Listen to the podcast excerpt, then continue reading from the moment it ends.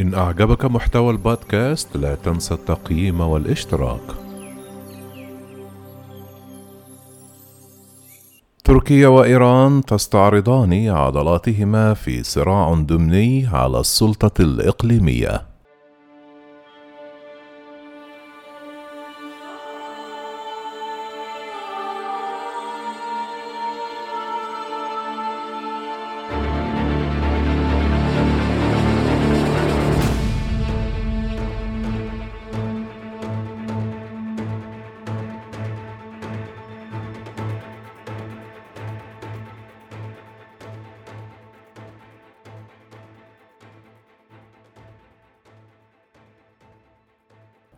عندما انتهت الحرب الباردة انتهت أيضا الطبيعة ثنائيه القطب للسياسة العالمية.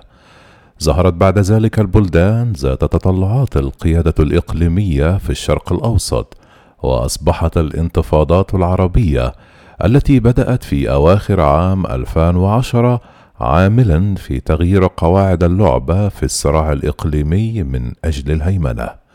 في العلاقات الدولية التعريف المعروف على نطاق واسع للقوى الإقليمية هو الدولة التي تهيمن على منطقة جغرافية معينة من الناحية الاقتصادية والأيديولوجية والعسكرية.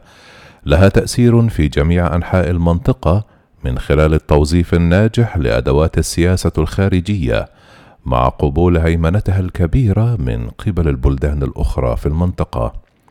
لقد انخرطت دولتان غير عربيتين تركيا وإيران في منافسة شرسة على الهيمنة في الشرق الأوسط.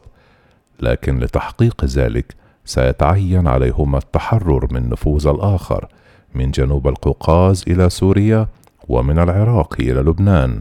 سيحتاجون أيضا إلى التعامل مع قيودهم الخاصة لكي يصبحوا قوة إقليمية وهو وضع من غير المرجح. أن يدعيه أي منهما في المستقبل القريب. فقد استنكر وزير الخارجية الإيراني جواد ظريف وجود الجيش التركي في سوريا والعراق وقال لبريس تيفي هذا الأسبوع نرفض الوجود العسكري التركي في سوريا والعراق ونعتبر سياسية أنقرة تجاه دمشق وبغداد خاطئة. فجاءت تصريحاته في نفس اليوم الذي تحدث فيه الرئيس التركي رجب طيب أردوغان ونظيره الإيراني حسن روحاني إلى بعضهما البعض عبر الهاتف وناقشا سبل تحسين العلاقات الثنائية.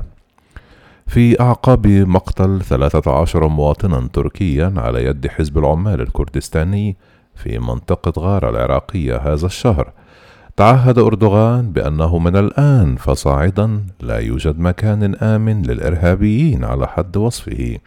لا قنديل ولا سنجار ولا سوريا. عملية عسكرية تركية محتملة للقضاء على وجود حزب العمال الكردستاني في سنجار.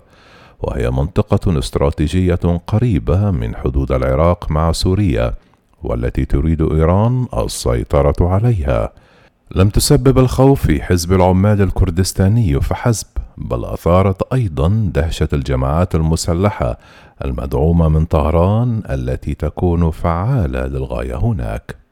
تمثل منطقة سنجار المتنازع عليها نقطة حاسمة للواقع الجيوسياسي الذي يسمح لطهران باستخدام ورقة حزب العمال الكردستاني للحد من طموحات تركيا في كل من العراق وسوريا. على الرغم من أن طهران قلقة أيضا من النزعة الانفصالية الكردية حيث تواجه تهديدا مماثلا في الداخل إلا أنها استخدمت ورقة حزب العمال الكردستاني ضد تركيا لعقود. الآن عادت الحرب الباردة الإقليمية بين أنقرة وطهران إلى السطح مرة أخرى حيث لعب حزب العمال الكردستاني دورا حاسما. ينظر أيضا إلى الاعتقالات التي تم الإعلان عنها مؤخرا لعملاء إيرانيين مزعومين في تركيا على أنها علامة قوية على التوترات بين تركيا وإيران وسط التنافس الإقليمي بينهما. على الرغم من أنه في السنوات القليلة الماضية اتسمت العلاقات التركية الإيرانية غالبا بالتعاون بفضل عملية أستانا سوتشي إلا أن مصالحهما متباينة بشكل متزايد. ومن المرجح أن تحدد المنافسة بدلا من التعاون علاقتهما المستقبلية حيث قام الجيران باستعراض عضلاتهما ليس فقط في سوريا والعراق ولكن أيضا في جنوب القوقاز وهي ساحة معركة جديدة وغير متوقعة ظهرت بعد الصراع الأذربيجاني الأرمني حول ناكورا كاراباخ. كان الدعم التركي لأذربيجان في الحرب لحظة فاصلة مما يشير إلى أن أنقرة تركز بشكل متزايد على المناطق التي تعتبرها إيران ضمن مجال نفوذها. يمثل الدعم التركي لباكو تهديدا كبيرا لطهران بالنظر إلى الأقلية العرقية الأذرية وحدودها الطويلة مع أذربيجان على الرغم من أن جنوب القوقاز ساحة للمواجهة الإيرانية التركية فإن سوريا والعراق وهما دولتان مزقتهما الصراعات حيث يمثل الوكلاء القوة الأساسية لا يزالان المشهد الحقيقي للتنافس بينهما. فإن كانت دول المنطقة ترفض الهيمنة الإيرانية، لكن الحقائق على الأرض تشير إلى عكس ذلك.